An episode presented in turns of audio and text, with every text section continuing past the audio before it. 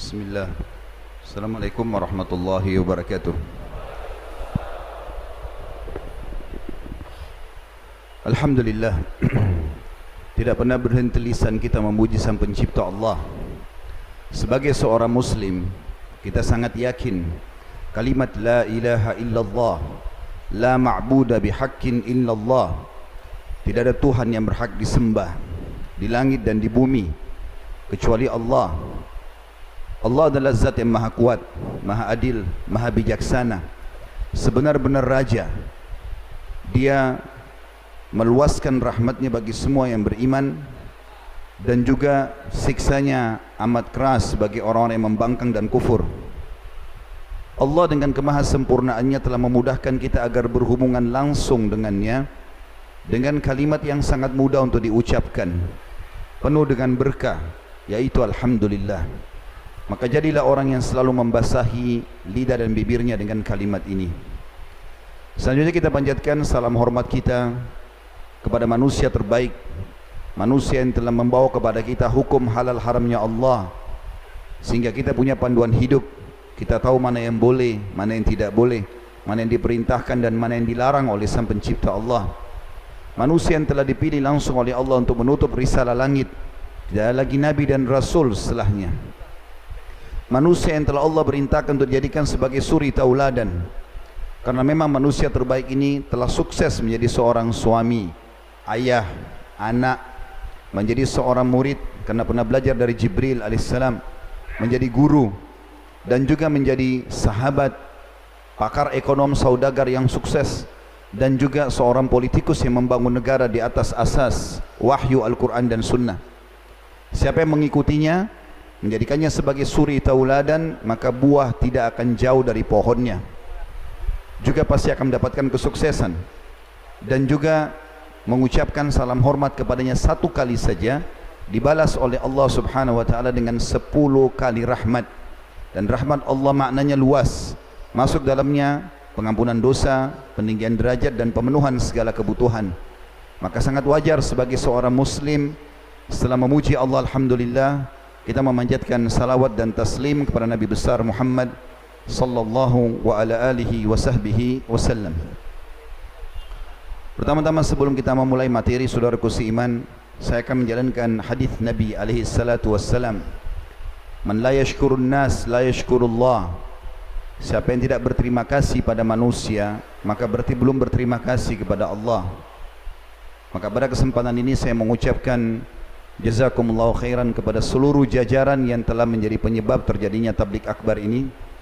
Baik dari jajaran pemerintahan, pengurus masjid, seluruh panitia Bahkan seluruh masyarakat muslimin di kota Pekanbaru ini Saya hanya bisa mengatakan jazakumullah khairan tanpa bisa menyebutkan satu persatu. Dan juga sebagai tanda terima kasih saya Tadi ada di mobil saya dikasih oleh teman-teman panitia topi ini. Dan dikatakan topi ini penghargaan kalau di Pekanbaru dikasih. Maka sebagai tanda terima kasih saya akan pakai sekarang. Bismillah.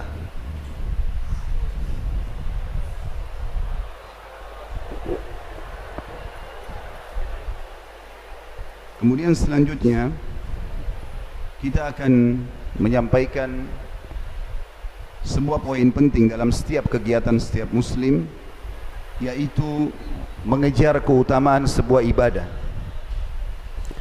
Dan keutamaan yang sedang kita maksudkan adalah keutamaan majlis ilmu. Saudaraku seiman tidak usah lihat siapa yang menyampaikan tapi apa yang disampaikan. Kalau yang disampaikan itu kalau Allah kalau Rasul. Allah telah berfirman Rasulullah sallallahu alaihi wasallam telah bersabda maka ambillah. Pasti benar. Kena wahyu langsung dari sang pencipta Allah. Dan kalau seorang muslim ingin termotivasi mengerjakan sebuah ibadah maka kata kuncinya sederhana. Cari tahu janji Allah di ibadah itu.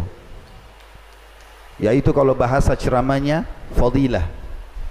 Siapa di antara kita ingin supaya rajin solat malam misalnya Maka sebelum dia kerjakan solat malam Dia tinggal mencari keutamaan solat malam Karena wahyu berbicara dengan hati manusia.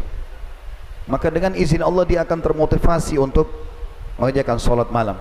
Tarik itu ke semua semua ibadah. Nanti Ramadan sebentar lagi insya Allah akan masuk. Baca keutamaan Ramadan. Ingin rajin baca Quran, baca keutamaan Al-Quran, haji dan umrah, bakti dengan orang tua. Semua ibadah cari tahu keutamaannya. Karena itu akan mendongkrak dan memotivasi kita untuk mengerjakan.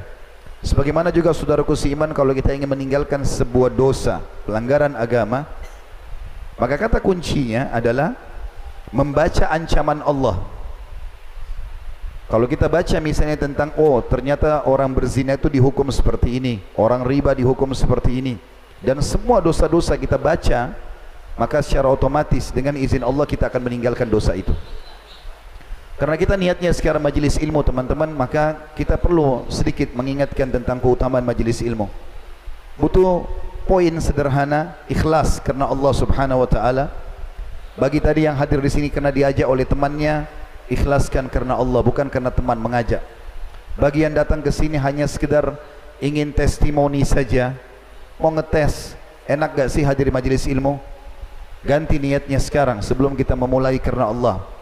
Bagian datang hanya seremoni saja meramaikan majlis diganti niatnya karena Allah Subhanahu wa taala. Yang tidak enak sama atasannya, orang tuanya, mertuahnya, lingkungannya, maka semua harus diganti karena Allah Subhanahu wa taala. Kapan niatnya bukan karena Allah tidak akan ada keutamaannya. Di antara keutamaan majlis ilmu, hadis Hasan diriwayatkan oleh Al-Baihaqi, kata Nabi SAW siapa yang keluar menuntut ilmu ikhlas karena Allah akan dicatatkan baginya pahala haji lengkap. Duduk antara maghrib isya seperti ini mungkin dilanjutkan dengan sedikit habis isya seperti kita sudah menyelesaikan ibadah haji yang biayanya besar waktunya lama butuh energi. Juga dalam hadis yang lain hadis sahih kata Nabi sallallahu alaihi wasallam kalau orang duduk di majlis ilmu maka sebelum mereka bubar para malaikat akan berkata bubarlah dalam kondisi dosa-dosa kalian diampuni dapat pahala haji, dapat pengampunan dosa. Juga dalam hadis Bukhari yang lain kata Nabi SAW tidak ada orang yang berkumpul di rumah-rumah Allah dan mereka mempelajari ayat-ayat Allah kecuali akan turun malaikat yang membawa rahmat dari langit dan Allah akan turunkan ketenangan jiwa pada mereka. Makanya subhanallah majlis ilmu itu kalau betul-betul yang benar kita semuanya ikhlas pemateri dan juga yang sedang hadir kita akan merasakan ketenangan jiwa walaupun materi itu panjang disampaikan. Karena Allah sedang turunkan makhluk-makhluk mulianya malaikat hadir. Itu juga dengan hadis yang kata Nabi SAW dalam hadis sahih siapapun yang keluar menuntut ilmu maka dia di jalan Allah seperti mujahid dan sekian banyak keutamaan ilmu itu. Saudaraku seiman kita akan membahas pada kesempatan ini kaya dengan sedekah. Kita akan membuka materi kita ini dengan perbedaan dasar antara pemahaman kaum muslimin dengan orang-orang kapitalis. Kapitalis punya prinsip dasar dan kita sayangkan hampir seluruh wilayah umat Islam banyak yang berpegang secara ekonomi dalam prinsip ini. Kaya menabung itu pangkal kaya. Itu prinsip mereka. Jadi bagaimana caranya supaya kaya? Mulai belikan celengan anak-anak dari kecil supaya mereka belajar nabung bukain rekening supaya mereka nabung selalu kalau dapat uang nabung dulu fikirannya mengerucut kepada menabung sementara Islam datang mengajarkan untuk supaya kaya bukan menabung tapi bersedekah kira-kira saudaraku seiman ketemu enggak antara menabung dengan sedekah menabung berarti menyimpan sedekah berarti apa mengeluarkan. Ketemu nggak kira-kira?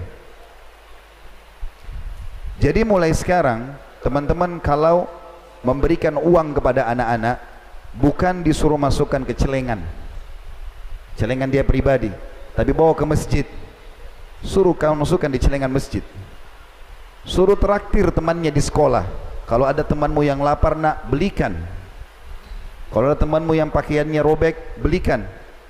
Selalu kita ajarkan sedekah. Karena konsep kita seperti itu. Keluarkan, kau akan dapat. Makin banyak kita keluarkan, maka makin banyak juga rezeki Allah datang. Ini sebabnya kenapa kita pilih judul ini. Karena terlalu banyak umat Islam yang terpengaruh dengan pemikiran kapitalis ini. Sehingga kalau tidak ada uang di rekeningnya, rasanya belum mampu. Belum puas. Padahal kalau kita mengorek kisah para salafus salih dari kalangan sahabat seperti contoh Talha bin Ubaidillah radhiyallahu anhu salah satu dari sahabat yang dijamin 10 orang masuk surga beliau mendapatkan keuntungan yang sangat banyak hartanya menumpuk dari perdagangannya maka dia gelisah enggak bisa tidur istrinya bernama Su'dah radhiyallahu anha itu kemudian mengatakan ada apa wahai suamiku apa yang membuatmu memiliki beban seperti ini maka kata Talha enggak ada masalah kau sebaik-baik istri dalam Islam. Oh saya kau sudah cukup banyak mengabdi dengan aku. Kata dia kalau begitu coba sampaikan, mungkin saya bisa bantu. Kata Talha radhiyallahu anhu, hartaku sudah terlalu banyak, keuntungan melimpah. Aku jadi beban nih. Apa jawaban istrinya? Dan ini jawaban istri yang salihah yang menjadikan akhirat sebagai targetnya. Setiap muslimah wajib mengambil pelajaran dari statement ini. Dia mengatakan, untuk apa jadi beban fikiran hai suamiku? Sedekahkan. Bukan seperti sebagian wanita. Sebentar, sebentar.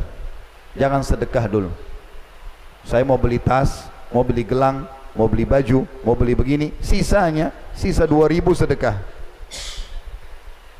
Lalu si suami istri ini sibuk membungkus-bungkus uang itu sampai habis satu malam.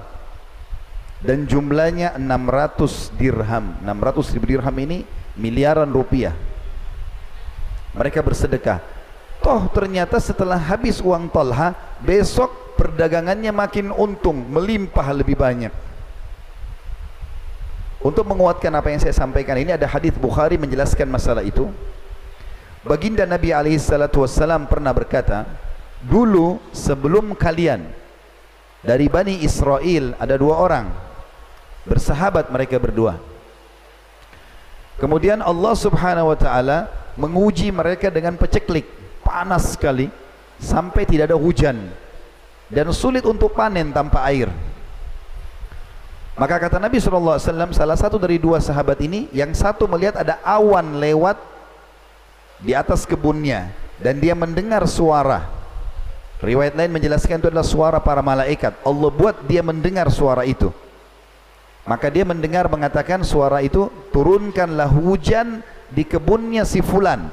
Fulan ini di sebelah temannya dia. Lalu dia penasaran diikuti awan itu.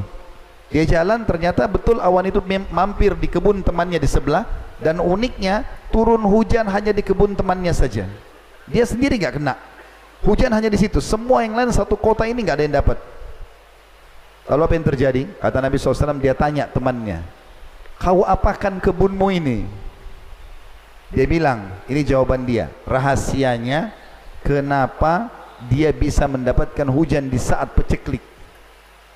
Bagi yang berusaha, saya dengar di sini dekat dengan pasar para saudaraku pedagang kaum muslimin. Mau kaya, grafik bisnis anda naik terus, sedekah. Tidak ada yang lain. Itu investasi termahal. Maka kata Nabi kata Nabi sallallahu alaihi wasallam yang punya kebun berkata, hasil dari perdaganganku bukan modalnya, hasilnya aku bagi menjadi tiga. Sepertiganya aku sedekahkan dulu. Sepertiganya aku berikan kebutuhan keluargaku dan sepertiganya lagi aku kembalikan ke tambahan modal.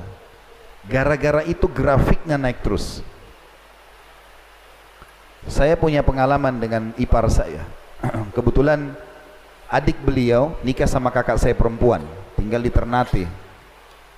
Saya pernah ada acara pengajian di sana di Maluku. Habis selesai ceramah malam hari, sekitar jam 10 malam, saya duduk ngobrol berdua. Tiba-tiba ada suara kena pakai atap seng. Ada suara seperti batu yang sangat keras jatuh. Ribut seng itu. Maka saya kaget, dia tertawa, senyum. Lalu dia mengatakan, itu mangga saya yang sudah matang jatuh. Ustaz mau? Ayo kita makan berdua. Orang sana mengatakan itu manda, mangga madu. Saya tidak tahu di sini bilang apa, tapi di Jakarta juga bilang mangga mana lagi. Biasanya kalau dipotong ada seperti ada titik-titik madunya manis sekali. Saya makan memang manis sekali mangga itu, masya Allah. Mungkin saya bisa katakan belum pernah saya makan mangga semanis itu. Maka selesai habis makan, udah kami istirahat. Habis sholat subuh, waktu syuruk saya pulang ke rumahnya. Kemudian tiba-tiba saya bilang, bisa nggak saya lihat pohonnya? Diizinkan saya ke belakang, lewat dapur ke belakang. Subhanallah, saya lihat pohon itu saya nggak bisa lupa. Sekarang ini seperti kebayang pohon itu. Tingginya mungkin hanya 3 meter pohon itu, tidak lebih. Pendek, 4 meter lah ya, kurang lebih. Buahnya itu banyak sekali. Dan saking banyaknya itu sampai memberatkan pohon itu. Sampai mau kena ke paving blok di belakang rumahnya itu. Penuh, banyak Masya Allah. Kalau melihat poster tubuh mangga pohon mangga ini kayaknya nggak mungkin buahnya sebanyak itu menurut saya. Nah saya pun senang dengan tanaman. Maka yang terjadi adalah saya tanya Masya Allah saya bilang buahnya banyak sekali. Apa yang bibit apa yang antum pakai ini? Maka dia bilang sama saya biasa saja saya biarkan begitu. Apa yang saya bisa kasih-kasih? Cuma memang saya tidak pernah tahan orang mengambil mangga ini. Ternyata pohon mangga itu teman-teman setengahnya tangkainya masuk ke dalam rumah dia setengahnya menjulang keluar tembok. Jadi yang menjulang di luar tembok siapapun lewat boleh ambil. Anak kecil ambil orang lewat ambil. Mungkin ada orang ambil untuk jual terserah dia. Dia sedekahkan. Subhanallah gara-gara itu sepanjang tahun mangganya enggak pernah berhenti berbuah. Kita tahu mangga itu kan setahun sekali berbuah ya. Makanya orang mudah-mudahan di sini tidak ada. Tapi kalau ada yang biasa manggahnya baru berbuah tiga sudah dibungkus dengan kresek plastik karena bakhil harus mengubah pola itu. Bagaimana bisa berbuah banyak sementara dia sudah sangat perhitungan dengan masalah itu? Baik teman-teman sekalian itu mukaddimahnya pembukaan kenapa saya membahas masalah kaya dengan bersedekah. Sedekah sendiri sebenarnya itu satu kosakata dengan sedekah atau sidq. Jujur ya. Kenapa kok sedekah itu dipakai di sesuatu yang kita keluarkan? Imam Nawawi rahimahullah menjelaskan masalah itu. Beliau mengatakan disebut sebagai sedekah apapun yang dikeluarkan di jalan Allah dari baju, makanan, pakaian, kendaraan karena ia merupakan bukti atas kepercayaan pelakunya atau kebenaran dalam bahasa Arabnya sidq terhadap keimanannya.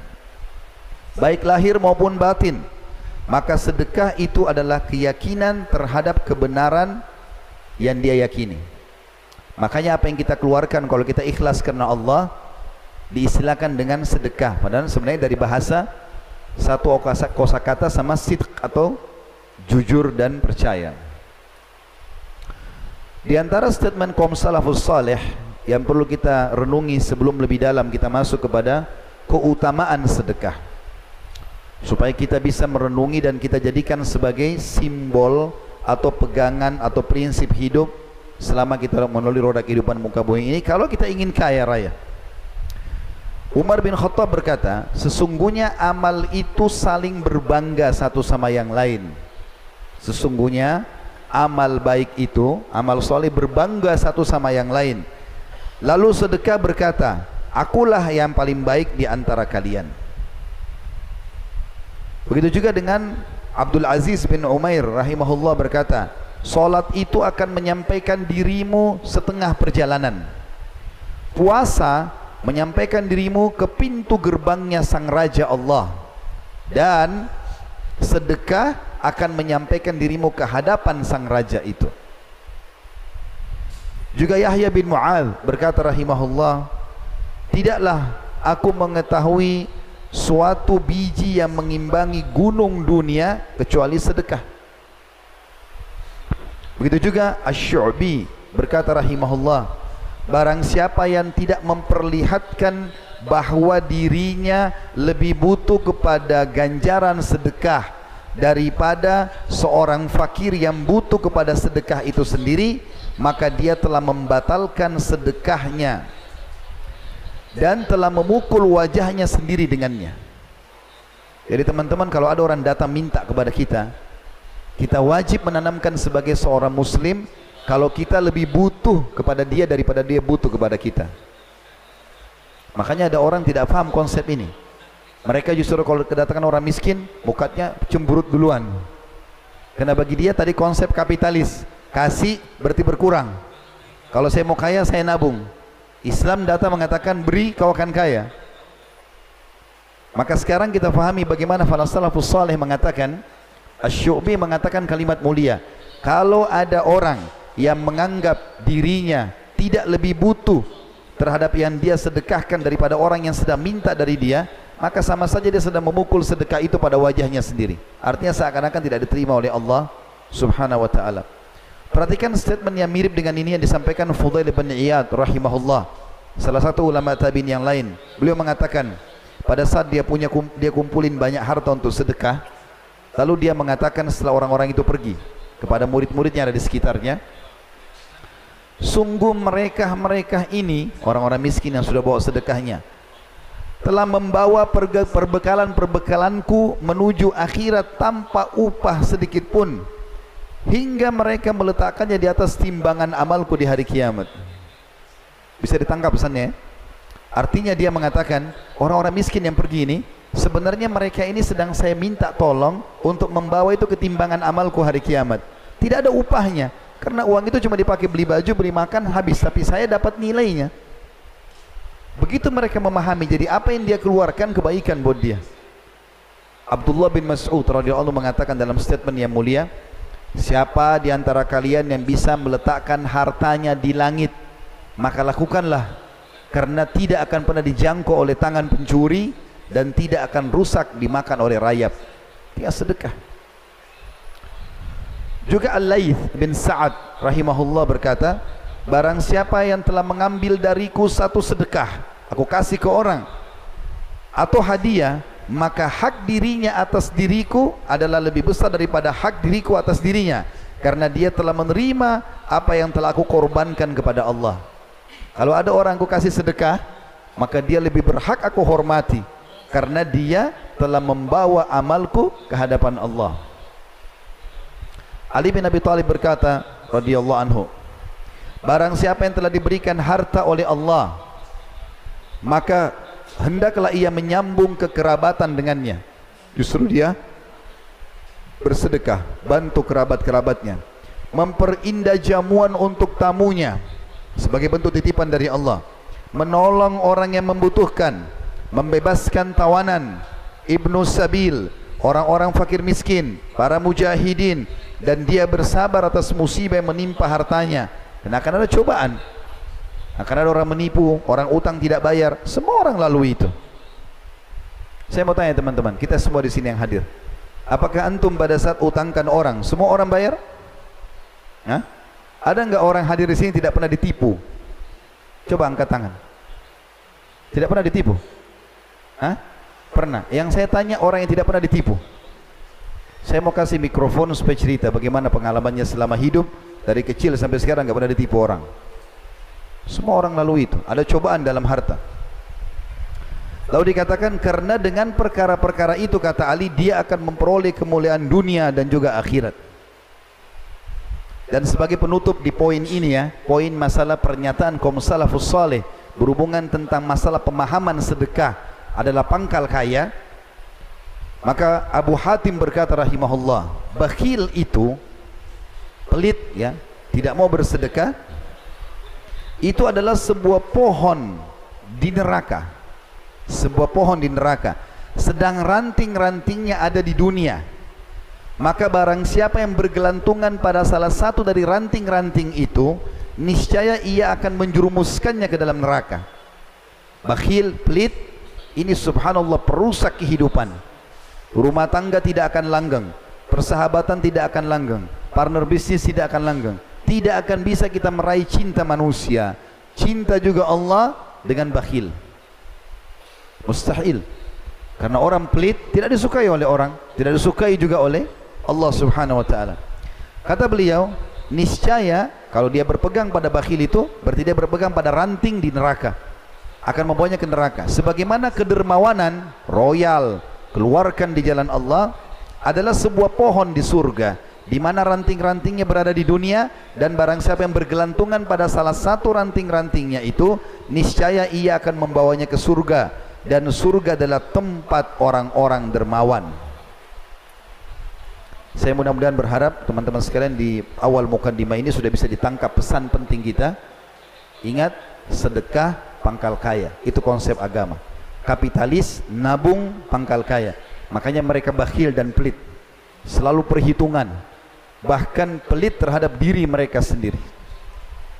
Mau ganti baju saja ragu. Mau beli ini saja ragu. Selalu fikirannya cari yang murah saja. Kenapa enggak beli yang mahal? Islam membolehkan tapi tidak boleh tabzir. Enggak boleh mubazir. Tapi boleh kita nikmati. Kata ulama termasuk bersyukur kepada Allah adalah menikmati apa yang sedang Allah berikan. Tapi tidak boleh berlebihan Misal antum masuk ke supermarket ada anggur kualitas A harganya 200 ribu per kilo. Ada kualitas B harganya 150 ribu. Antum mampu beli yang 200 ribu dan antum beli dengan niat menikmati nikmatnya Allah maka ada pahalanya sendiri. Karena kita sedang menikmati nikmat Allah Subhanahu wa taala. Kita beli baju baru karena ingin menikmati baju baru itu dan niat ingin menghiasi diri kita sebagaimana Allah Subhanahu wa taala katakan dalam Al-Qur'an A'udzu billahi minasyaitonir rajim ya bani adam khudhu zinatakum 'inda kulli masjid. Al-ayah Hai anak Adam ambil perhiasan terbaikmu menuju ke masjid. Kata ulama tafsir satu maknanya adalah pakai pakaian terbaikmu. Di dalam Islam orang kalau pakai baju baru ada doanya. Kalau kita lihat orang lain pakai baju baru kita disunnahkan mendoakan. Tubli wa yukhlifullah. Semoga kau pakai sampai usang dan kalaupun usang semoga Allah gantikan. Kita doakan. Doa yang lebih mulia lagi adalah sabda Nabi SAW kalau kalian lihat saudara kalian menggunakan baju baru bacalah ilbis jadidan semoga kau selalu pakai baju baru. Wa ish hamidan semoga hidupmu mulia. Wa mud syahidan dan semoga pada saat kau mati mati syahid. Itu gara-gara pakai baju baru kita doakan tiga doa mulia. Semoga kau selalu pakai baju baru semoga hidupmu selalu bahagia. Semoga pada saat mati kau mati syahid. Masuk surga tanpa hisab. Boleh kita ganti baju lain? Pemahaman sebagian orang bahwasanya Kita harus zuhud di dunia. Apa itu zuhud? Tinggalkan dunia untuk akhirat. Ini keliru ini. Allah tidak suruh kita tinggalkan dunia Tapi Allah suruh dahulukan akhirat dari dunia. Allah berfirman dalam surah Al-Qasas Surah nomor 28 ayat 77 A'udzu billahi minasyaitonir rajim. Wabtaghi fima ataqallahu daral akhirah wa la tansa nasibaka minad dunya. Al-ayah. Kejar apa yang Allah janjikan di akhirat nanti. Surga bidadari, bidadara, istana, dipan-dipan, permadani yang dijanjikan. Baca semuanya. Kejar itu. Dan jangan lupakan bagianmu dari dunia. Nabi SAW gemar makan daging kambing. Nabi SAW menggunakan baju-baju yang bagus. Nabi SAW memiliki beberapa rumah kerana beliau berpoligami. Dan setiap rumah ada unta. Kalau unta itu kendaraan termewah. Setiap rumah ada pembantunya. Nabi SAW memiliki pedang, beberapa pedang, perisai. Beliau juga memberikan nama-nama yang baik di situ. Maka kita boleh menikmati tapi tidak boleh tabzir. Enggak boleh berlebihan dan tidak boleh juga sumbernya haram. Mungkin itu dulu teman-teman sekalian karena sudah masuk Isya. Silahkan kerjakan solat. Kami sama tim tadi sudah jamak insyaAllah. Kita akan lanjutkan setelah solat Isya nanti. Dan kita akan masuk ke inti bahasan kita insyaAllah. Sembilan manfaat bersedekah. Yang insyaAllah kita harapkan tidak lagi keraguan setelah itu untuk mengejar kekayaan dengan sedekah itu. Subhanakallah wa bihamdika. Syadu an la ilaha ila anta astagfiruka wa atubu ilaik. Wassalamualaikum warahmatullahi wabarakatuh. Assalamualaikum warahmatullahi wabarakatuh Alhamdulillah wassalatu wassalamu ala rasulillah Segala puji dan puja kehadirat Allah subhanahu wa ta'ala Juga salawat dan taslim kepada Nabi besar Muhammad Sallallahu ala alihi wa sahbihi wasallam Melanjutkan bahasan kita dan kita akan masuk ke inti bahasan sebenarnya Yaitu manfaat atau apa yang kita dapatkan dari sedekah itu sendiri. Yang paling pertama teman-teman sekalian Sebelum kita masuk ke sembilan poin Manfaat daripada bersedekah Dan salah satunya adalah judul kita Kaya dengan bersedekah itu sendiri Dan kita sebutkan dalilnya insyaAllah Kita perlu dulu menjelaskan hal yang mendasar sekali. Ada perbedaan antara zakat dengan sedekah. Kalau zakat, fungsi utamanya adalah pensucian harta. Kalau sedekah, untuk memperbanyak harta. Jadi beda fungsi. Zakat memiliki syarat-syarat. Syarat utamanya adalah haul, masa setahun. Dan teman-teman menentukan sendiri haul itu. Misalnya sekarang menjelang Ramadan ni teman-teman niatkan di masjid ini haul saya Ramadan tahun lalu. Berarti Ramadan sekarang seperti kita tutup buku. Semua tabungan atau simpanan dan investasi dinilai. Kalau mencapai syarat kedua nisab kadar minimal 85 gram emas maka dikeluarkan 2,5 persennya Berarti ada syarat haul satu tahun, ada syarat nisab. Nisab itu batas minimal 85 gram emas dan juga ada persentasenya 2,5 persen. Kalau zakat, kalau sedekah enggak ada. Mau sedekah tiap hari boleh. Tidak ada juga kadar minimalnya, tidak ada persentase minimal gitu kan atau jumlah yang ditentukan karena dia lebih luas. Kenapa saya jelaskan ini teman-teman sekalian? Karena ada di antara umat Islam kita di Indonesia mereka Masya Allah punya harta banyak. Idul Fitri Menjelang Idul Fitri atau Ramadan Sibuk mengeluarkan zakat. Hitung zakatnya keluarlah. Misalnya Karena kaya raya punya zakat misalnya satu miliar. Tapi yang dia lakukan adalah Dia tidak menghabiskan zakat itu di masa haulnya. Kalau haulnya Ramadan Yang paling afdal habiskan di Ramadan Tapi banyak orang tidak Karena zakatnya besar Disimpan di rumah Dicicil dalam setahun sehingga dia tidak sedekah lagi. Yang dia keluarkan hanya zakat. Padahal beda fungsi ya. makanya kita jalankan dua-duanya. Zakat iya sedekah iya. Baik kita akan masuk teman-teman sekalian. Manfaat dari zakat, eh, sedekah itu sendiri. Yang paling pertama adalah dia berfungsi melipat gandakan harta dan sekaligus mensucikan jiwa juga Walaupun zakat lebih fokus kepada pensucian harta. Mungkin dalam setahun pada saat kita jual baju, kita jual makanan, kita kan tidak tahu konsumen ini bawa uang halal atau uang haram. Maka zakat membersihkan itu. Tapi secara umum sedekah juga selain melipat gandakan harta, kalau zakat tadi pensucian saja, maka sedekah bisa melipat gandakan harta dan juga menjadi pensucian sekaligus. Allah Subhanahu wa taala berfirman tentang masalah itu, artinya sedekah bisa membersihkan dosa. Dalam surah At-Taubah ayat 103 atau 103. Bunyinya a'udzubillahi minasyaitonirrajim, "Khudh min amwalihim shadaqatan tutahhiruhum wa tuzakkihim biha wa shalli 'alaihim. Inna salataka sakanun lahum wallahu samii'un 'alim." Ambillah sedekah dari sebagian harta mereka yang dengan sedekah itu kamu membersihkan dan mensucikan mereka. Dan berdoalah untuk mereka hai Muhammad. Sesungguhnya doamu itu menjadi ketentraman jiwa bagi mereka. Dan Allah maha mendengar lagi maha mengetahui. Jadi dari ini menjelaskan kepada kita bahwasanya bisa mensucikan diri. Kata sebagian ulama pensucian diri maksudnya adalah disucikan oleh Allah dari segala dosa dari segala sifat-sifat buruk dan penyakit-penyakit hati di antaranya pelit. Subhanallah orang yang suka sedekah ini Bapak Ibu sekalian awet muda. Kok bisa awet muda Ustaz? Karena orang yang biasa sedekah kan biasa memberi. Orang yang biasa memberi maka sudah tidak ada lagi ketergantungan dengan hartanya. Walaupun dia kehilangan harta maka dia anggap biasa sama dia. Karena dia sudah biasa mengeluarkan.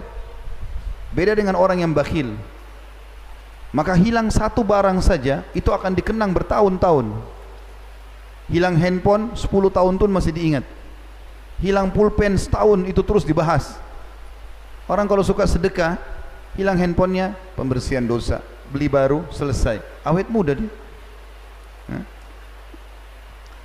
yang kedua teman-teman sekalian sedekah ini adalah bukti ketundukan kepada Allah dan Rasulnya bentuk keimanan dan terlalu banyak ayat yang menjelaskan tentang masalah sedekah ini.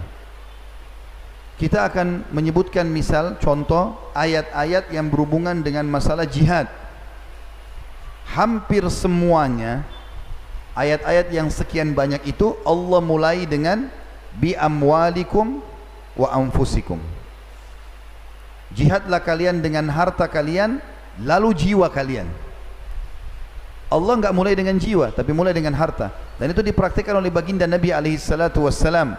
Nabi Muhammad SAW kalau mau kumandankan jihad boleh mengatakan jihad sedekahlah sedekah duluan kumpulin di masjid ada yang bawa sedekah harta ada yang membawa sedekah kurma ada yang membawa ini dan itu segala macam setelah terkumpul harta baru Nabi SAW bentuk pasukan untuk berperang dan Allah Subhanahu Wa Taala sering kali menghubungkan teman-teman sekalian ayat yang menyinggung masalah solat dengan sedekah yang menandakan kedudukan sedekah ini tinggi sekali Karena solat kita tahu adalah tiang agama.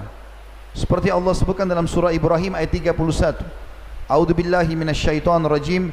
Qul li ibadiyalladina amanu yuqimus salata wa yunfiqu mimma razaqnahum sirran wa alaniyatan min qabli an ya'tiya yawmun la bay'un fihi wala khilal. Katakan hai Muhammad kepada seluruh hamba-hambaku yang telah beriman. Apa pesan Tuhan buat kita? Allah SWT mengatakan, hendaklah mereka selalu mendirikan solat azan absen diri satu hari lima kali saya hadir ya Allah kemudian mereka menafkahkan sebagian rezeki yang kami berikan kepada mereka baik secara sembunyi-sembunyi ataupun terang-terangan. Sebelum datang hari kiamat di mana pada hari itu tidak ada lagi jual beli dan tidak ada persahabatan. Teman-teman ambil pesan dari saya ini. Demi Allah teman-teman kalau antum atau anda tidak bersedekah maka pada saat meninggal anda akan menyesal. Anda dulu saya sedekahkan semua harta saya. Bukan berarti tidak boleh menabung. Menabung dalam Islam boleh-boleh saja. Tetapi para salafus salih mempraktikkan mereka sedekah. Dengan sedekah makin banyak keuntungannya. Abdurrahman ibn Auf radhiyallahu anhu terkenal orang kaya raya. Sahabat Nabi yang masyhur, selalu simbolnya salah satunya adalah kekayaannya. Dia pernah berfikir tentang hartanya yang banyak ini mau diapakan harta ini. Dia takut hisab hari kiamat. Bagaimana caranya habiskan harta? Dibagi-bagiin sama semua orang. Masih banyak. Sudah dibagi-bagi, masih banyak. Bagaimana solusinya nih? Lalu dia cari tahu siapa di Madinah, karena rata-rata pedagang kurma semuanya, yang kebun kurmanya gagal panen tahun itu. Sengaja dia cari yang gagal panen. Mana yang gagal panen nih? Rupanya ada satu orang, satu kebun, ratusan pohon kurma gagal panen. Sekian ton banyak kurma. Enggak ada yang beli. Karena orang-orang Madinah, mereka semuanya banyak kurma. Jadi kalau kurma kering sedikit dianggap kualitasnya enggak bagus. Abdurrahman bawa hartanya ditanya sama dia kau mau jual kurmamu? mau berapa? sekian gak pakai nawar dibeli semua sama dia niatnya supaya hartanya udah sedekah buat kamu deh. Lalu kurma kering ini niat mau dibagi-bagi buat orang. Siapa yang mau ambil silakan gratis. Yang penting hartanya habis disedekahin. Rupanya tidak ada yang mau ambil kurma karena kurma kering. Dianggap kurma kurang bagus kualitasnya. Dan di Madinah orang bisa beli kurma banyak. Abdurrahman berfikir harta sudah saya sedekahkan tapi ada kurma kering tertinggal nih. Ya Allah mudahkan nih bagaimana solusinya subhanallah baru dua hari berlalu. Ada utusan dari kepala suku di Yaman. Rupanya dengan hikmah Allah subhanahu wa ta'ala mereka tertimpa penyakit dan obatnya itu harus kurma kering. Cari di Madinah. Madinah tempat ada kurma. Siapa yang punya kurma kering? Enggak ada kecuali Abdurrahman. Maka utusan Yaman ini membeli double-double dari harga yang Abdurrahman sudah keluarkan. Allah datangkan rezekinya subhanallah.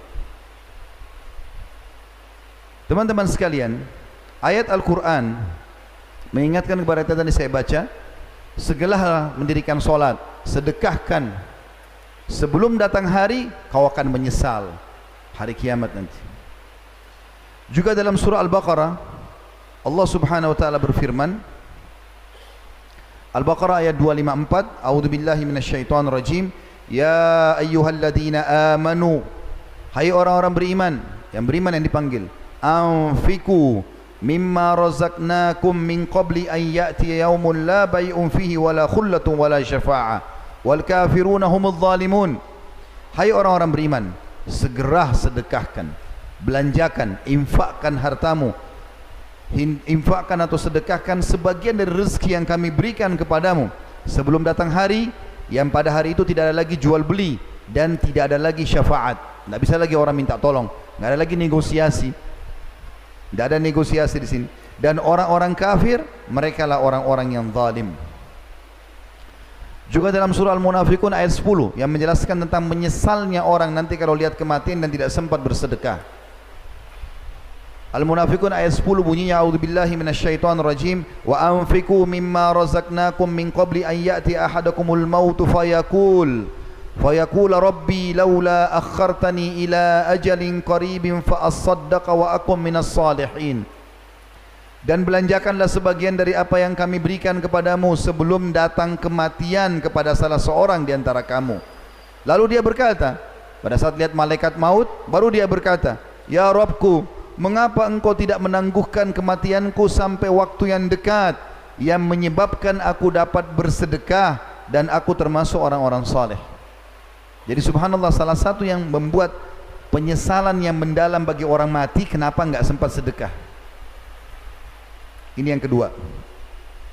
Yang ketiga, manfaat daripada sedekah. Seorang mukmin akan dilindungi oleh sedekahnya pada hari kiamat di mahsyar. Perlu kita gambarkan dulu teman-teman sekalian. Nanti ada hari kebangkitan. Salah satu rukun iman kita yang kelima, iman kepada hari kiamat. Rentetannya adalah paketnya dari kematian, prosesi kematian, ketemu dengan malaikat maut, dicabut terus segala macam, masuk di kuburan, kehidupan alam barzah, taman dari taman surga kalau orang beriman, atau lubang dari lubang neraka kalau orang kafir atau fasik. Kemudian hari kebangkitan, Allah SWT bangkitkan kita sebagaimana sabda Nabi SAW, Allah akan turunkan hujan dan akan menimpa tulang-tulang ekor kalian sehingga kalian tumbuh seperti tumbuhnya tanam-tanaman atau sayur-sayuran. Lalu ada hisab timbangan amal baik atau buruk. Kalau baik dia selamat, kalau buruk maka dia akan dihukum lalu surga dan neraka. Paketnya hari kiamat. Nah di mahsyar nanti teman-teman kita semuanya akan berdiri di mahsyar dan itu sangat panas. Karena kata Nabi SAW bahwasanya pada saat itu matahari akan berjarak satu mil saja satu mil. Kalau kita hitung satu mil itu ukuran yang kita pakai sekarang, mungkin satu setengah kilometer atau lebih sedikit jaraknya. Sekarang kan jutaan kilometer jaraknya. Sudah panasnya luar biasa. Apalagi hari-hari sekarang kita bisa rasakan cuaca yang panas. Bagaimana kalau satu setengah kilo? Bahkan sahabat yang merawi hadis mengatakan, saya demi Allah tidak tahu apakah satu mil itu jarak ukuran yang biasa kita ukur atau satu mil istilah yang dipakai oleh wanita untuk meletakkan celak di matanya. Jadi biasa kalau perempuan mau pakai celak, kan ada kayunya ya, ada alatnya itu, dicelupin di celaknya, kemudian diletak dekat, dekatkan dengan bulu matanya. Kalau dia sudah letakkan dekat bulu matanya seperti ini untuk digosok, gitu, maka ini namanya mil dalam bahasa Arab juga. Bisa saja seperti itu.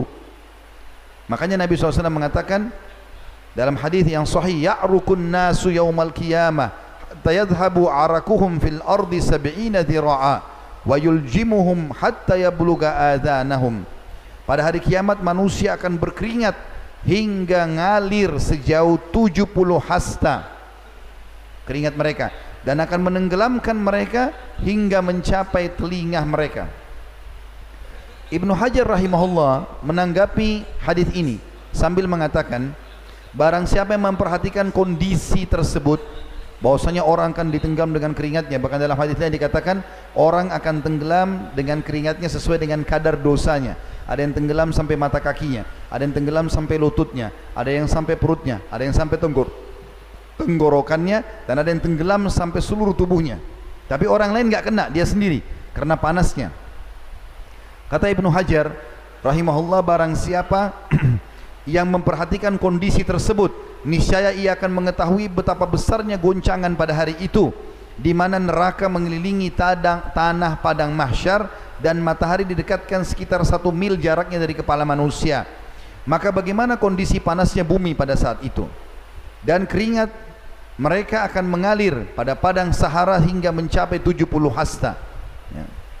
berarti sekitar 30 meter dalamnya.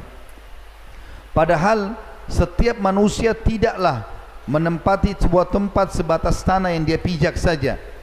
Dan bagaimana kondisi manusia pada saat itu dengan keringat dan peluh mereka padahal mereka berbeda-beda kadar peluhnya. Belum asin, belum bau segala macam.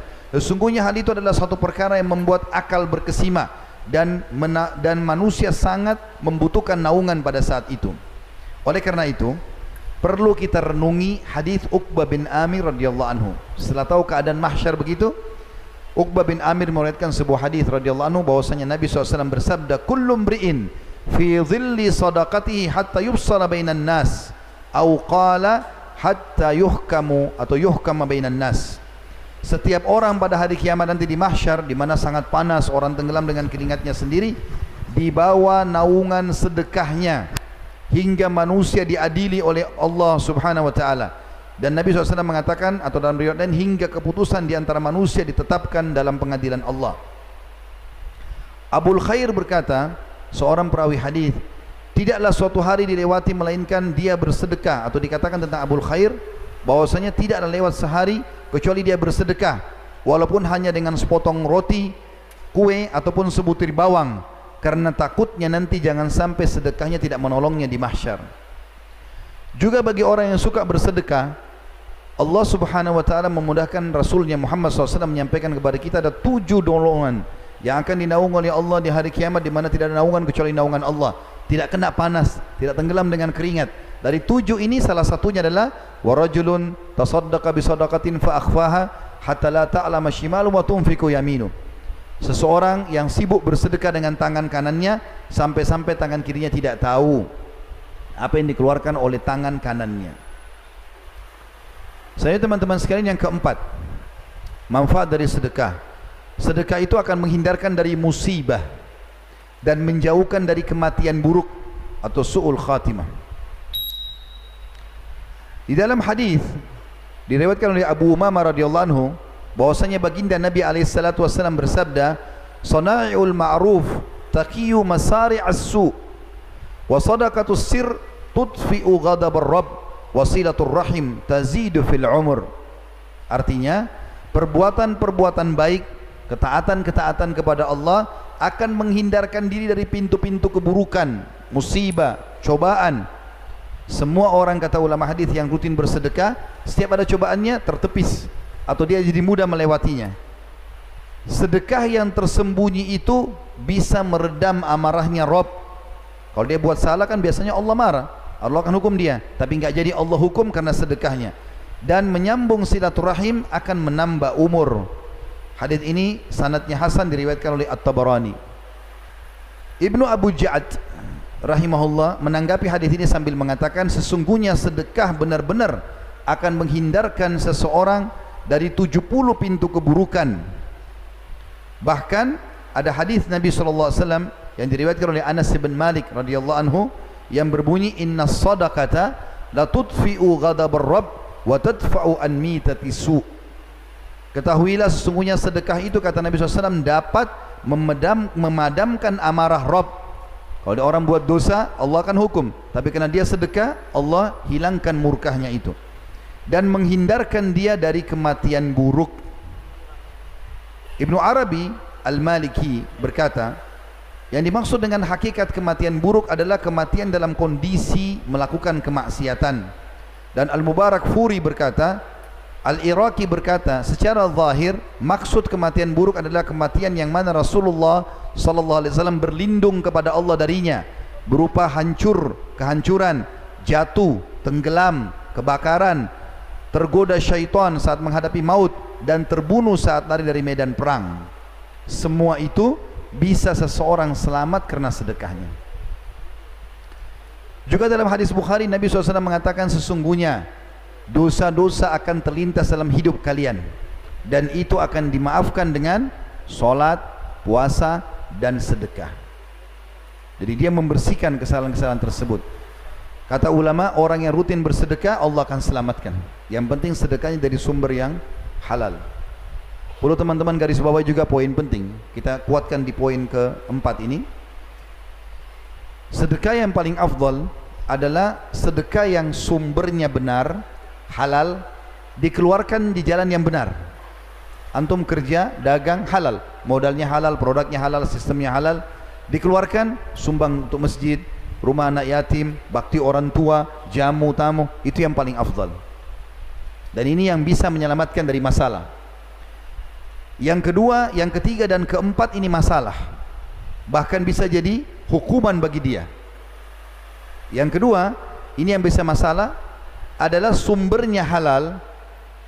Jelas dia halal dagangnya modalnya segala macam gajinya sebagai pegawai halal tapi dikeluarkan ke yang haram.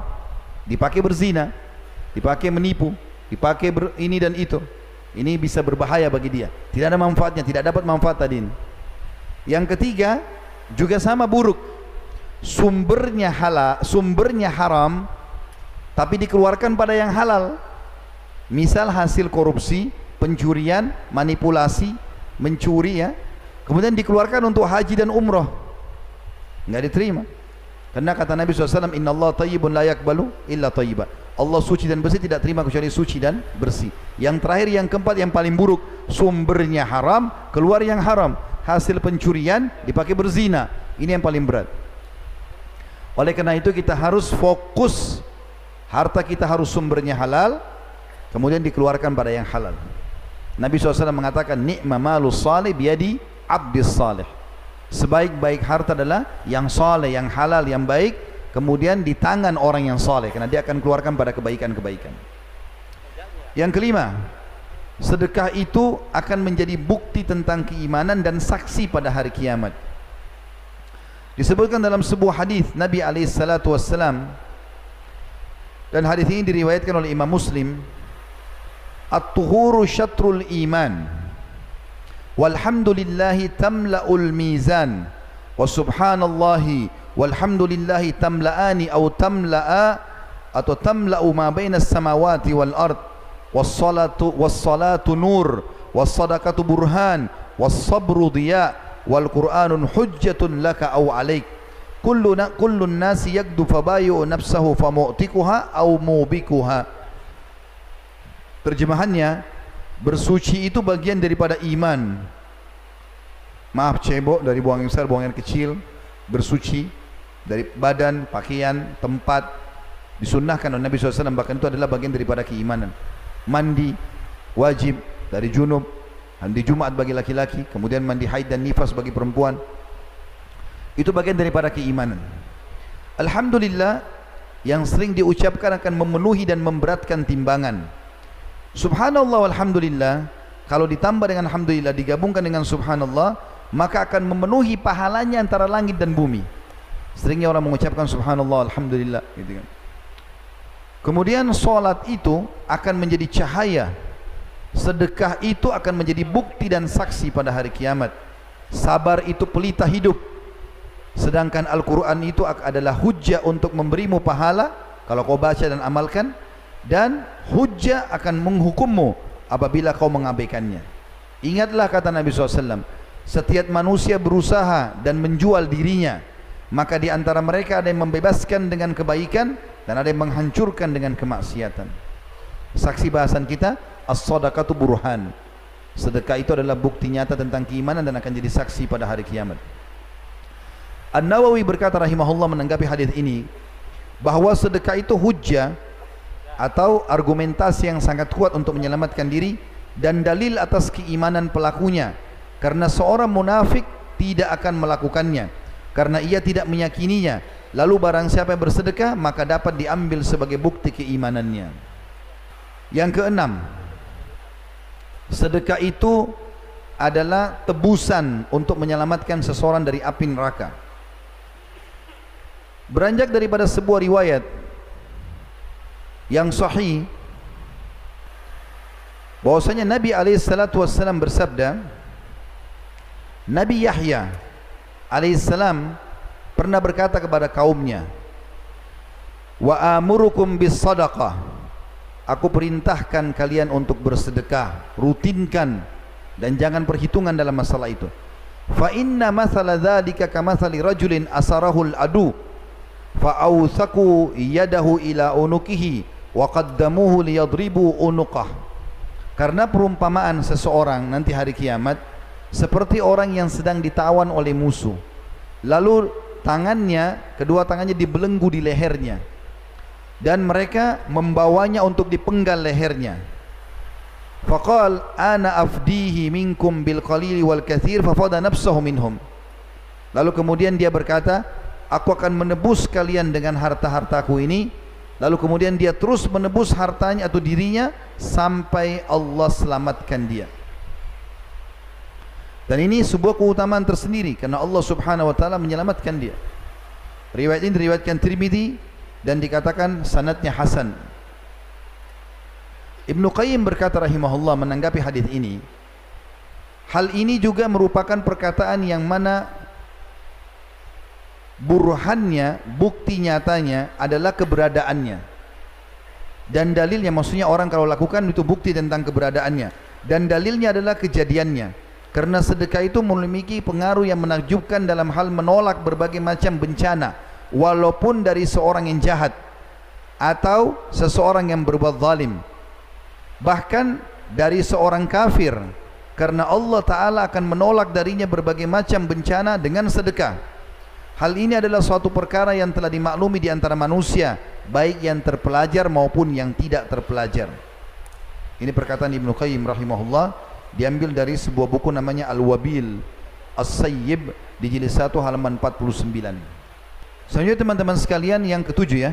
Allah Subhanahu wa taala akan mengganti sedekah itu. Dan ini yang menjadi inti bahasan kita tadi judulnya kaya dengan bersedekah. Allah berfirman teman-teman sekalian berhubungan dengan masalah Allah akan mengganti itu. Di dalam firman-Nya surah Saba ayat 39, A'udzu billahi minasyaitonir rajim. Qul inna rabbi yabsutur rizqa liman yasha'u min ibadihi wa yaqdiru lah. Wa ma anfaqtum min syai'in fahuwa yukhlifu wa huwa khairur raziqin. Artinya, katakan hai Muhammad kepada hamba-hambaku, Sesungguhnya Tuhanku melapangkan rezeki bagi siapa yang dikehendakinya di antara hamba-hambanya dan dia menyempitkan rezeki bagi siapa yang dikehendakinya dan barang siapa atau barang apa saja yang kamu nafkahkan sedekahkan di jalan Allah maka pasti Allah akan menggantinya dan dialah sebaik-baik pemberi rezeki semua yang kita keluarkan yang penting ke sumber halal walaupun untuk kebutuhan kita pribadi beli mobil, beli rumah, haji dan umrah, semuanya sebanyak apapun Allah akan ganti. Selama memang itu adalah hal yang benar. Sekaligus saya ingatkan di sini teman-teman. Banyak orang di Indonesia sengaja cari travel haji umrah yang murah. Padahal dia orang kaya. Kenapa? Murah. Walaupun jauh dari Masjidil Haram. Yang penting murah. Toh saya cuma datang ibadah. Keliru akhi dan ukhti. Cari travel yang paling bagus, yang paling mahal. Sudah fasilitasnya enak, ibadahnya enak, Allah ganti. Kenapa cari yang murah ini? Bahkan cari pesawat yang transit tujuh kali pun tidak apa-apa. Yang penting murah. Kenapa akhi? Dan kenapa ukti? Kenapa menyusahkan diri ini? Allah tidak suruh kita itu. Bahkan kata Nabi SAW dalam hadis sahih riwayat ahli sunan, Inna Allah yuhibbu an yara athara niyami al abdi. Allah suka sekali melihat bekas nikmatnya pada hambanya. Allah suruh kita pakai baju bagus, mobil yang bagus, rumah yang bagus. Bahkan kata Nabi SAW, puncak nikmat pada seorang hamba mukmin adalah di jasadnya yang di rumahnya yang luas, tetangganya yang baik dan tunggangannya atau kendaraannya yang yang layak. Boleh orang pakai. Dalam Islam yang penting sumbernya halal. Nikmati Allah akan ganti. Sebuah hadis qudsi menekankan masalah itu. Hadis sahih riwayat Bukhari. Kata Nabi SAW Allah berfirman Qala Allah tabaraka wa ta'ala Allah yang maha berkah dan maha tinggi telah berfirman Ya bna Adam Anfik umfik alaik. Wahai anak Adam Berinfak dulu di jalanku Aku akan berinfak kepadamu. Tidak akan pernah seseorang miskin kena sedekah. Dalam sebuah hadis Bukhari dan yang lain kata Nabi SAW Ma naqasa malu min sadaqah. Tidak akan pernah berkurang harta karena bersedekah. Kalau teman-teman mau dapat sesuatu yang besar dari Allah, keluarkan juga yang besar. Ini kadang-kadang celengan masjid lewat cari uang yang paling kecil. 2000 rupiah. Kasihlah 2000. Lalu dengan 2000 angkat tangan ke langit, ya Allah berikan saya kesehatan, keturunan, istri yang cantik, ya. Mobil yang bagus, ini dan itu. 2000 rupiah. Ya bakhil. Ini manusia pelit. Keluarkan yang besar jalan Allah. Berikan yang terbaik. Dan tidak ada hitung-hitungan sama Allah karena Allah juga membalas innallaha yarzuqu may yasha bighairi hisab. Allah akan memberikan balasan tanpa ada hitungan. Tapi syaratnya kita juga tidak hitungan. Mana bisa mau dapat ikan paus pakai kail yang kecil? Enggak mungkin. Pakai kapal tanker yang besar. Dan saya ajak teman-teman sekalian yang belum pernah berinfak dengan 10 ribu rupiah. Selama ini cuma 1.500. Coba belajar 10 ribu. Yang sudah pernah 10 ribu belum pernah cari nilai yang antum belum pernah. 100 ribu belum pernah. 10 ribu sudah pernah. Sekarang infak 100 ribu. Makin besar makin besar balasannya. Sudah pernah 100 ribu? Cari 1 juta. Sudah pernah 1 juta? 10 juta. Pernah 10 juta? 100 juta. Pernah 100 juta? 1 miliar. Sahabat miliaran kalau berinfak miliaran 20 miliar 30 miliar nilainya. Teman-teman kalau ikuti ceramah kami di YouTube ada 40 lebih episode sahabat sudah kami bedah di Jakarta Tablik Akbar. Hampir semua sahabat itu kalau yang kaya-kaya dan disebutkan tentang infaknya kalau saya hitung dalam rupiah sekarang sekian puluh ribu dinar emas. 20 miliar 30 miliar. Tidak pernah miskin mereka. Ini resep ini. Kalau ada yang bisikin nanti kalau kau keluarin kau mau makan apa? Syaitan.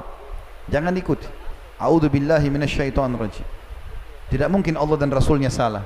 Pernah ada sahabat teman-teman, adik kakak.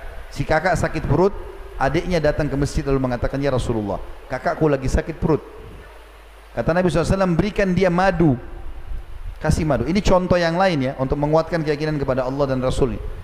Berikan dia madu. Karena Nabi SAW mengatakan, kesembuhan ada di tiga hal.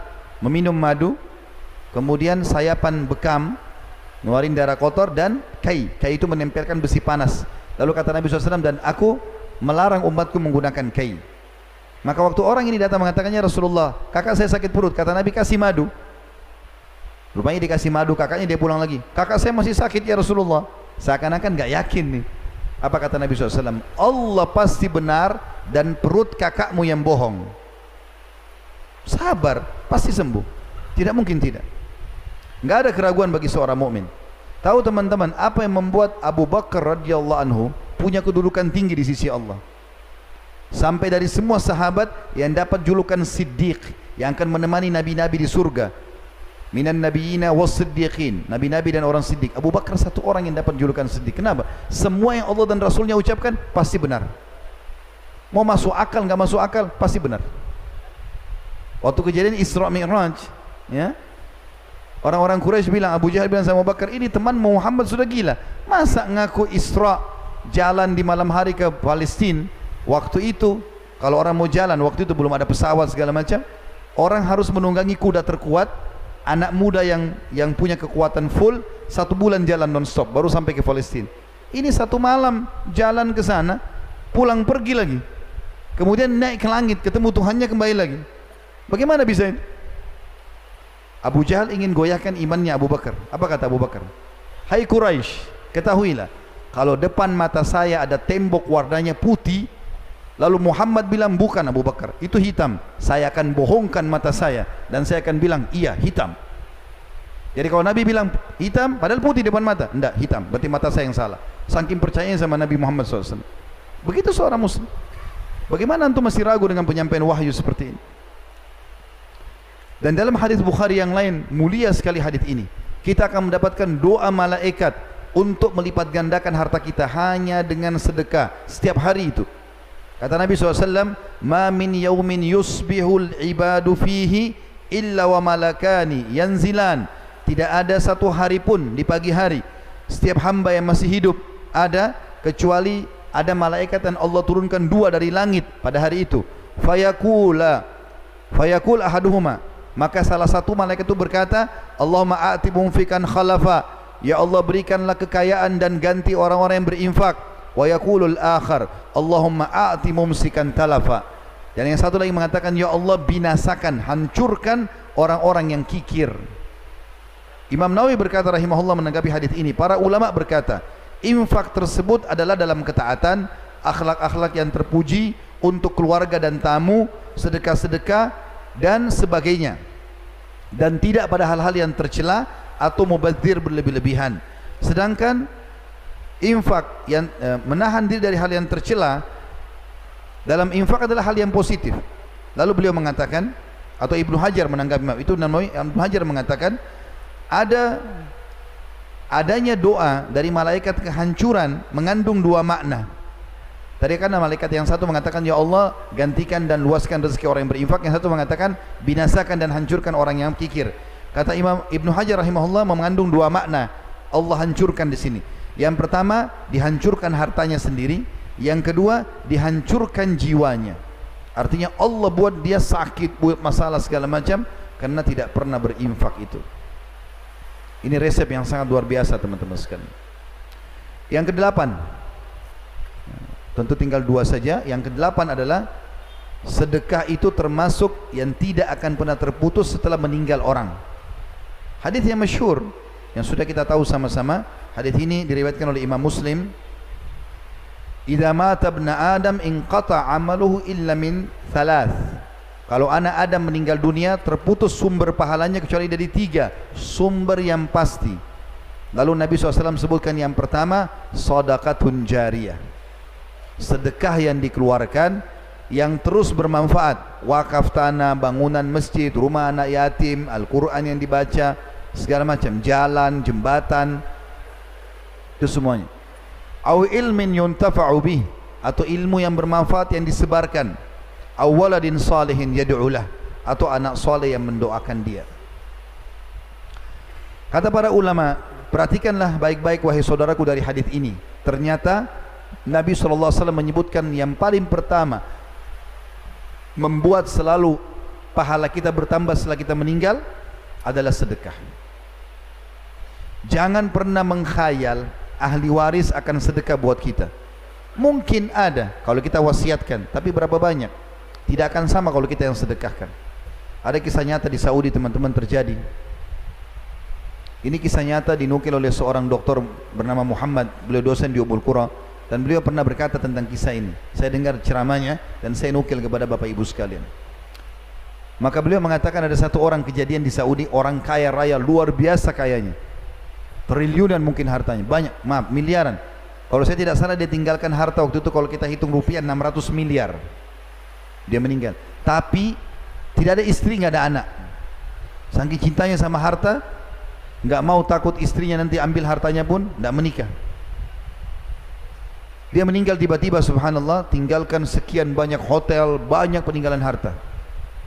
Dan tidak ada kerabatnya dicari tahu nggak ada kerabatnya. Untuk dia meninggal nggak ada yang urus jenazahnya. Pemerintah yang ambil urus jenazahnya sampai dimakamkan cari tahu mana keluarganya ini. Sampai pengadilan agama di Saudi mengambil alih hartanya itu disimpan dulu. Telusuri mana keluarganya ini. Sampai ditemukan ada tiga orang yang mungkin bisa kena ahli warisnya karena orang-orang dekatnya nggak ada saudaranya sudah nggak ada orang tuanya nggak ada nggak ada semua yang jauh ada sepupu-sepupu jauhnya dapat tiga orang ini panggil di pengadilan Tiga-tiga ini kebetulan orang susah. Lalu kemudian hakimnya mengatakan, apakah kalian tahu kenapa saya panggil ke sini? Kata tiga-tiganya kami tidak tahu. Mereka takut jangan sampai ada pelanggaran nih, mau dipenjara, mau apa gitu kan? Lalu kata hakimnya, apakah kalian tahu si Fulan? Disebut namanya si mayit ini. Mereka bilang iya, ada hubungan kerabat dengan kami. Tetapi kami tidak banyak kenal dia. Karena setiap kali kami undang dia tidak datang. Kami pun tidak pernah diundang ke rumahnya, kami tidak tahu. Kata hakimnya, dia baru saja meninggal. Dan dia meninggalkan harta yang cukup banyak. Harta yang cukup banyak. Harta itu kami sudah cari, enggak ada ahli waris kecuali kalian bertiga nih. Maka kami akan berikan kepada kalian. Bayangkan teman-teman, orang miskin tiba-tiba dapat 200 miliar satu orang. Satu miliar itu seribu juta. Enggak kerja, enggak apa ini. Masing-masing 200 miliar, 200 miliar, 200 miliar tanda tangan ceknya akan cair waktu mereka mau keluar dari pengadilan ini saksi bahasan perhatikan baik-baik apa kata hakimnya sebentar sebentar sebelum kalian pergi Ada saran dari saya saja kata hakim. Kata mereka bertiga apa itu?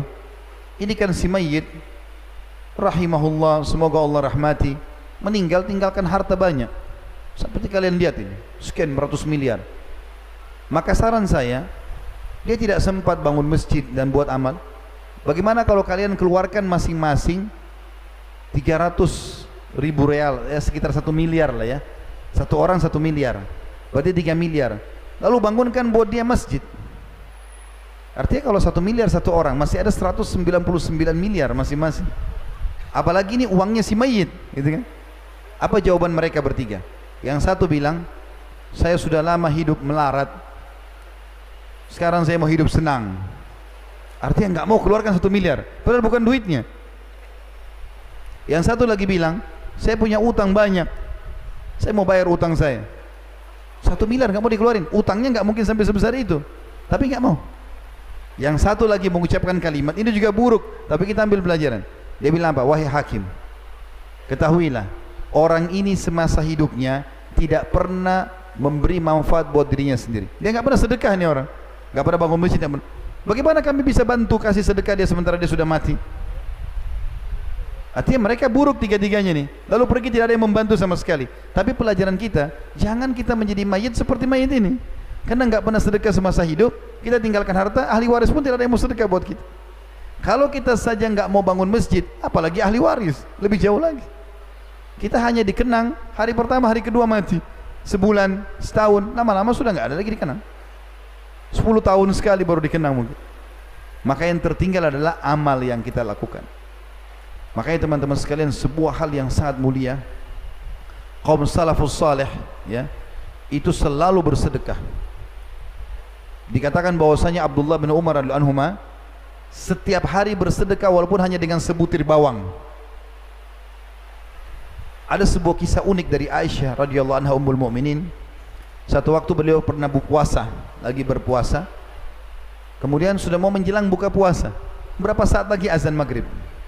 Dia tanya pembantunya di rumah, ada makanan enggak? Kata pembantunya, tinggal roti ini, ada roti satu. Dan biasanya kalau orang lagi tidak punya makanan apa-apa, kalau ada ada harta, biasanya pakai roti sama madu. Ini enggak ada, maka roti ini cuma dicelup di minyak saja, supaya ada rasanya. Cuma ini ya Ummul Mukminin roti ini sama minyak. Kata Aisyah radhiyallahu anha tidak apa-apa, siapin untuk buka puasa. Menjelang berapa saat mau buka puasa nih? Bayangkan tidak ada makanan, tidak ada apa-apa di rumah. Lalu kemudian ada orang ketuk-ketuk pintu rumah Aisyah radhiyallahu anha. Diketuk-ketuk. Setelah ketuk teman-teman sekalian dibuka oleh pembantunya Aisyah. Banyak orang miskin minta makanan. Maka kemudian pembantu ini bilang, "Ambil mu'min, ada orang miskin minta." Kata Aisyah, "Kasih roti itu." Jangan potong-potong, kasih semua. Tapi kita tidak ada untuk buka puasa, kasih saja. Tidak usah khawatir. Dengan zat yang tidak akan pernah mati selamanya. Allah SWT. Kasih aja. Dikasih sama pembantu tersebut. Subhanallah, orang miskin itu dikasih. Baru berapa langkah dia jalan, belum hilang bayangannya, masih ada. Ada satu masyarakat Madinah, ngirim ke rumah Aisyah, kena tahu Aisyah puasa, satu ekor kambing. Pakai za'faran, wangi-wangian, roti gandum nampan besar bisa 20 orang makan kirim ketuk rumah baru ini baru hitungan detik diketuk dibuka sama pembantunya Aisyah kenapa ini ada makanan buat buka puasanya Ummul Mukminin maka pembantu itu bilang Ummul Mukminin ada makanan alhamdulillah datangkanlah terima kasih jazakallahu khair pergilah orang itu lalu makanlah buka puasa mereka berdua setelah kenyang masih banyak ini untuk 20 orang kata Aisyah sambil senyum lihatlah Sesungguhnya kambing ini lebih baik daripada rotimu tadi. Allah akan balas teman-teman sekalian. Tak usah khawatir. Bahkan Allah SWT mengatakan dalam Al-Quran, A'udhu billahi minasyaitan rajim, Man ja'a bil hasanati, falahu ashru amthaliha. Siapa yang melakukan satu perbuatan baik, maka pasti Allah akan balas dengan sepuluh kali lipat. Minimal itu. Minimal. Uthman bin Affan radhiyallahu pernah satu kali teman-teman sekalian dia lihat orang-orang Yahudi sama orang-orang munafik di Madinah ingin mengganggu umat Islam. Apa yang mereka lakukan? Mereka beli semua barang-barang di pasar. Kemudian semua umat Islam tidak punya barang lagi. Lalu setelah itu mereka mahalkan harga. Maka umat Islam kerepotan ini untuk belanja.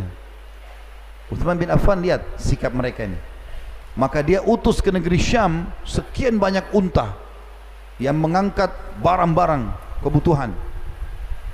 Waktu datang, setiap unta ada satu pegawainya Uthman bin Affan radhiyallahu anhu. Waktu datang di pinggir kota Madinah, orang-orang munafik sama orang-orang Yahudi ini dengar kalau ada barang dagangan masuk nih. Mereka mau transaksi di pinggir kota Madinah. Pintu gerbang, jangan masuk. Begitu mereka tiba di sana, mereka tanya orang-orang yang sedang pikul tali ke, atau pegang tali kekangannya unta itu. Ini punya siapa? Kata mereka majikan kami, Uthman bin Affan. Coba panggil, kami mau negosiasi. Datanglah Uthman bin Affan di situ. Lalu mereka bilang, Hai Uthman, apa ini barangmu? Iya. Kenapa? Kami ingin negosiasi.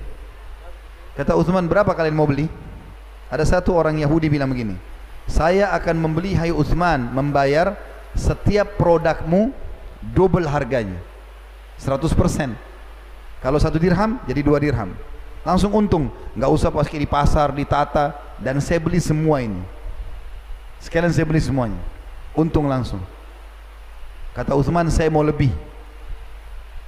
Ada orang satu lagi bilang dua kali lipat 200% satu dirham jadi tiga dirham. 10 dirham jadi 30 dirham. Semua saya beli. Kata Uthman saya mau lebih. Tiga kali lipat ada yang nyaut. Saya ingin lebih. Terakhir ada satu orang Yahudi bilang begini Hai Uthman Yakinlah Tidak ada orang tawar lebih daripada saya. Saya kasih kamu lima kali lipat Setiap produk. 500 persen. Bayangkan kalau kita beli barang 100 ribu Dia beli 500 ribu atau 600 ribu satu barang. 5 juta menjadi 25 juta atau 30 juta Semua dibeli Kaya raya mendadak ini Kata Uthman saya mau lebih Kata si Yahudi ini, dari mana Uthman kau dapatkan orang mau lebih? Dia bilang, kalian mau tahu siapa yang bisa lebih beli lebih dari dari kalian? Mereka bilang, tentu saja, mau tahu siapa nih orang kaya mau lebih beli. Maka Uthman mengatakan kepada pegawai-pegawainya, panggil seluruh umat Islam di Madinah. Semuanya, jangan terkecuali. Panggil, lalu kemudian setelah datang, Uthman naik di atas sebuah batu tinggi lalu mengatakan, Wahai muslimin, saksikanlah di hadapan Allah nanti, kalau ini semua sedekah buat kalian. Ambil gratis. Maka di depan matanya orang Yahudi sama orang munafik ini umat Islam mengambil ambil keju, ambil gandum, ambil macam-macam. Semua ambil. Gratis ini. Dan ini depan mata mereka keuntungan besar sebenarnya. Tapi Uthman bin Affan ingin tunjukkan kepada mereka bahwasanya ada sesuatu pesan yang penting berhubungan dengan hubungan dengan Allah SWT dan juga ingin mematahkan sikap mereka yang ingin mengganggu umat Islam.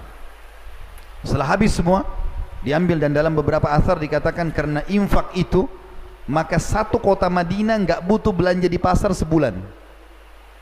Akhirnya harga pasar jadi turun semua. Gara-gara tadinya Uthman sudah bagikan makanan ini. Yang terjadi teman-teman sekalian pada saat Uthman bin Affan sudah bagi-bagi itu beliau balik ke arah orang-orang Yahudi dan munafik sambil mengatakan apakah kalian tahu siapa yang membeli lebih dari kalian? Kata orang-orang Yahudi dan munafik itu barang apa lagi yang kau mau jual? Sudah habis semuanya. Dia bilang karena Allah membeli dari saya 10 kali lipat. Enggak ada yang bisa beli 10 kali lipat. Dan dia ingin menunjukkan tentang hadis tersebut. Yang terakhir teman-teman sekalian adalah keutamaan yang kesembilan sedekah itu bisa menghapuskan dosa-dosa. Sebagaimana hadis Muadz bin Jabal radhiyallahu anhu disebutkan dalam Sunan Tirmizi dengan sanad sahih Nabi SAW bersabda As-sadaqatu tudfi'ul khati'ata Kama yudfi'ul ma'un nar. Sedekah itu menghapus kesalahan Sebagaimana air memadamkan api. Jadi ada dosa-dosa Yang dimaafkan oleh Allah karena sedekah. Abdullah bin Abbas Abdullah bin Umar dan Anhum Ajma'in berkata Kalau aku punya perkara yang belum selesai Atau doaku belum diijabah Maka aku sengaja keluar mencari orang miskin Untuk aku bersedekah padanya. Dan dengan itu Allah subhanahu wa ta'ala memudahkan urusanku. Sekian banyak keutamaan teman-teman sekalian. Resep yang sederhana sedekah. Kalau untuk menginvestasi yang sebenarnya lihat tuh kantong-kantong investasi yang besar orang-orang miskin di sebelah rumah yang tiap hari minta makanan di pasar mereka tempat-tempat investasi yang besar ini Ramadan menjelang Ramadan insyaAllah besok kita akan bahas masalah menghidupkan Ramadan dengan amal-amal saleh, berbanyak sedekah. Buka puasain orang. Tadi saya dengar ada penawaran untuk infak karpet masjid, untuk infak renovasi ini, untuk penyelesaian ini. Tadi ketua masjid sempat bilang sama saya, masjid ini kami bangun dengan swadaya masyarakat. Kesempatan teman-teman. Kata Nabi SAW, Membana masjidan lillahi banallahu lau baitan fil jannah.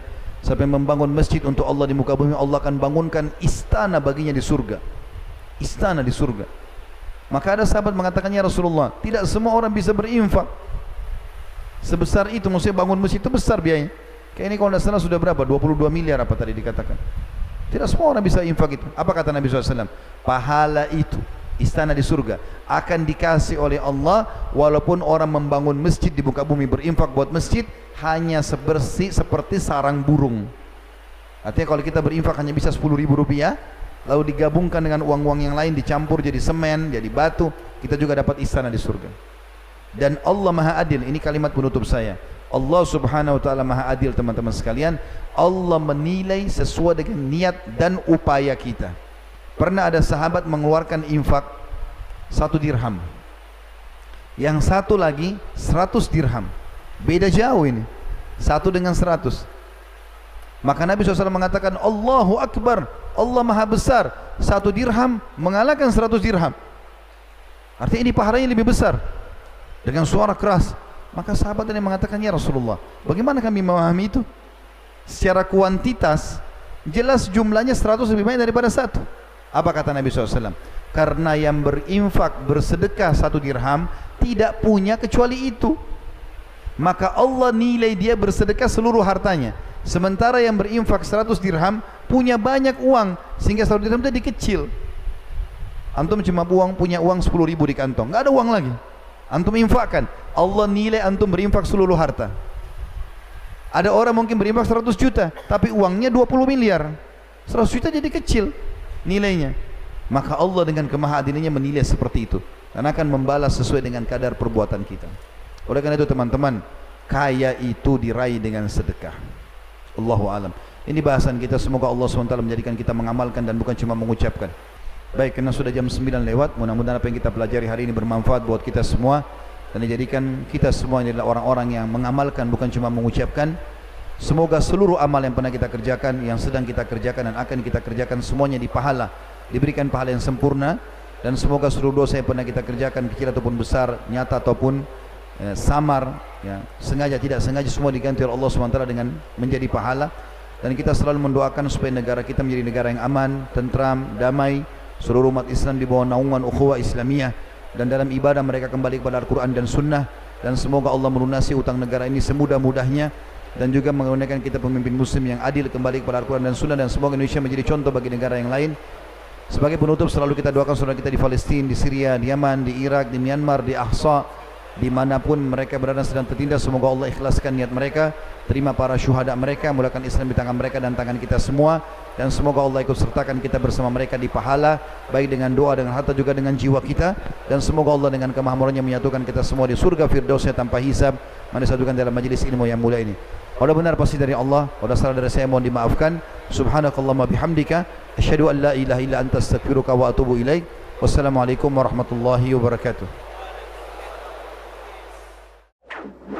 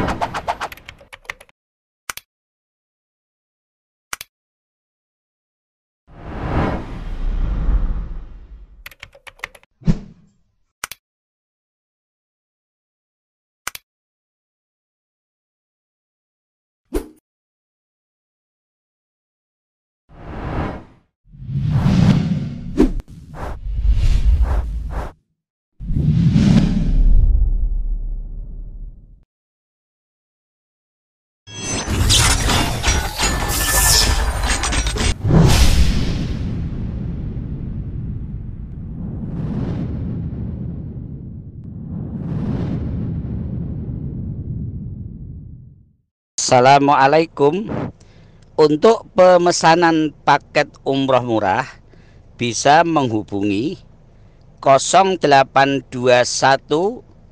4196 0857 Kami ulangi sekali lagi untuk pemesanan paket umroh murah bisa menghubungi 0821 4196 0857 Sekali lagi 0821 4196 0857 Terima kasih.